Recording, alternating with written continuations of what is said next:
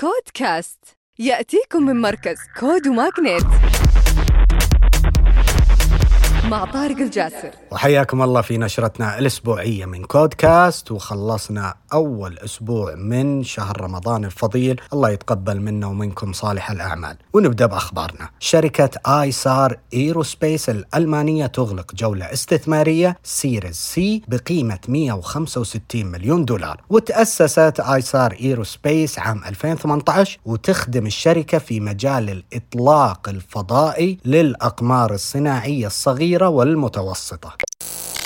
أما المجموعة السعودية للأبحاث والإعلام تطلق SRMG Ventures للاستثمار الجريء ويستهدف SRMG Ventures الاستثمار في الشركات الناشئة والتقنيات الحديثة في مجال الإعلام وصناعة المحتوى.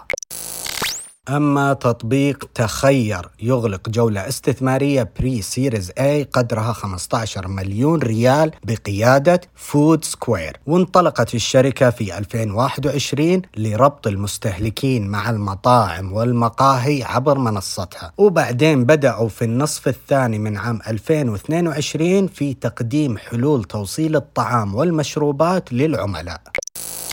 ومنصة أمبليفايدور السعودية تغلق جولة استثمارية Pre-Seed بقيادة بناة Ventures. وتأسست المنصة عام 2023 بهدف توفير مساحة للتعاون بين مستخدمي ومؤثري شبكات التواصل الاجتماعي مع العلامات التجارية.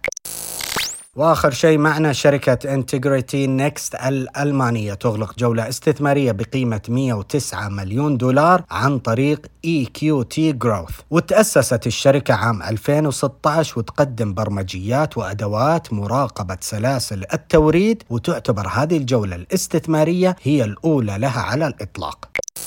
ختاما تذكروا أن الابتكار هو أصل الريادة. كود كاست